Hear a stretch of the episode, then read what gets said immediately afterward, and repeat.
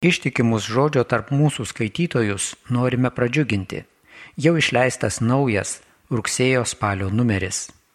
Rudeninio žurnalo numerio straipsneliuose gvildename reiklius Jėzaus žodžius - turiu, reikia. Ar gali būti Jėzus įpareigotas? Negi jis nėra laisvas daryti, ką panorėjęs. Kodėl Jėzus sakė, man reikia būti savo tėvo reikaluose? Ir ką šie jo žodžiai reiškia mums.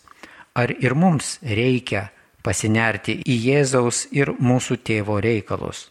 Dar viena žodžio tarp mūsų tema - Jėzaus prisilietimai. Jėzus gyveno tarp žmonių, dažnai būdavo supamas minios. Žmonės troško jo artumo. Ir jis juos liesdavo gydydamas, drąsindamas, skatindamas įsitikinti ir įtikėti kaip Jėzus liečia mus šiandien, kokią žinę perteikia Jėzaus prisilietimai. Apie visą tai skaitykite žodžio tarp mūsų rugsėjo spalio numeryje. Be straipsnių jame rasite ir kasdienės meditacijas pagal tos dienos liturginius skaitinius. Vilėmės, kad jos padės į save, kitus ir pasaulį žvelgti Dievo akimis, savo širdies tvinksnius suderinti su Dievo dvasios plasdėsiu. Žodžio tarp mūsų ieškokite katalikų knyginuose ir savo parapijose. Paraginkime Dievo žodį skaityti bei jį apmastyti ir savo draugus ar kaimynus. Rugsėjo mėnesio maldinėlio Magnifikat pristatymas. Maldinėlio įžangoje kunigas brolis Mišelis Demelenar primenama, kuo svarbus pirmasis rudens mėno Rugsėjo pradžia paprastai sutampa su Luko Evangelijos ciklo pradžia. Šiokiadieniais per žodžio liturgiją mišių metu bus skaitoma ši trečioji Evangelija ir lydės mus iki pat eilinio laiko pabaigos. Vadinasi, rugsėjas žymė naują pradžią sekimo Kristumi kelyje. Per šventojo Luko pasakojimą seksime paskui jį iš Nazareto sinagogos į Jeruzalę. Toks yra tikėjimo dėsnis. Dievas mus nuolat atveda į naujas pradžias ir tik tai yra tikros dvasinės pažangos garantas.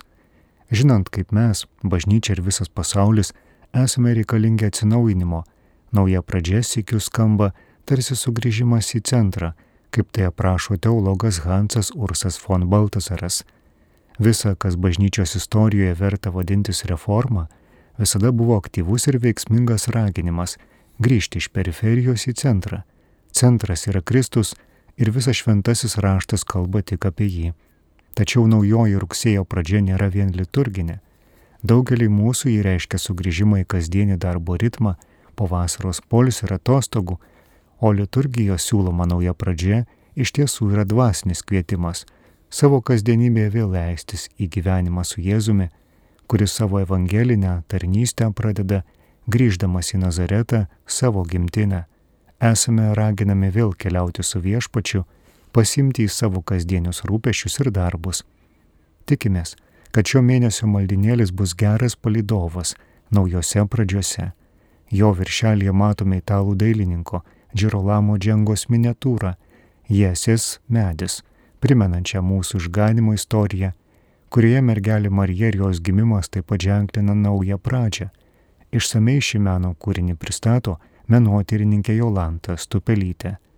Daktarė Ingrida Gudauskinė aptarė pirmąjį laišką Timotiejui, šiam ištikimam apaštalo Pauliaus bendradarbiai ir vyskupui skirti padrasinimo žodžiai te bus skirti ir visiems tiems, kas įžengia į naują etapą. Šituos pamokymus aš perdodu tau, kad jų stiprinamas, kovotum gerą kovą, išlaikytum tikėjimą ir gerą sąžinę kasdien savo mintimis lydės ir įkvėps šventoji Hildegarda Bingenietė, labai spalvinga viduramžių asmenybė, vienuolė mystikė, kompozitorė, dailininkė, mokslininkė. Šį mėnesį, kai popiežiaus kvietimu apmastome mūsų atsakomybę už kūrinyje ir rūpestyje, prasmingai nuskamba šventosios apmąstymai šią temą. Tikinti žmogus turi savo būti ir Dievo žinojime.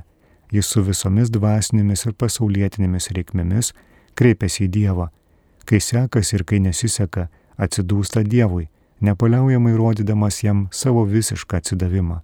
Mat kaip žmogus savo kūniškomis akimis visur mato kūrinius, taip jis tikėjimu visur regi Dievą ir atpažįsta jį per kūrinius nes išvelgia, jog jis yra jų kuriejas. Apžvalga parengė Magnificat redakcija, perskaitė Andrius Sakalauskas.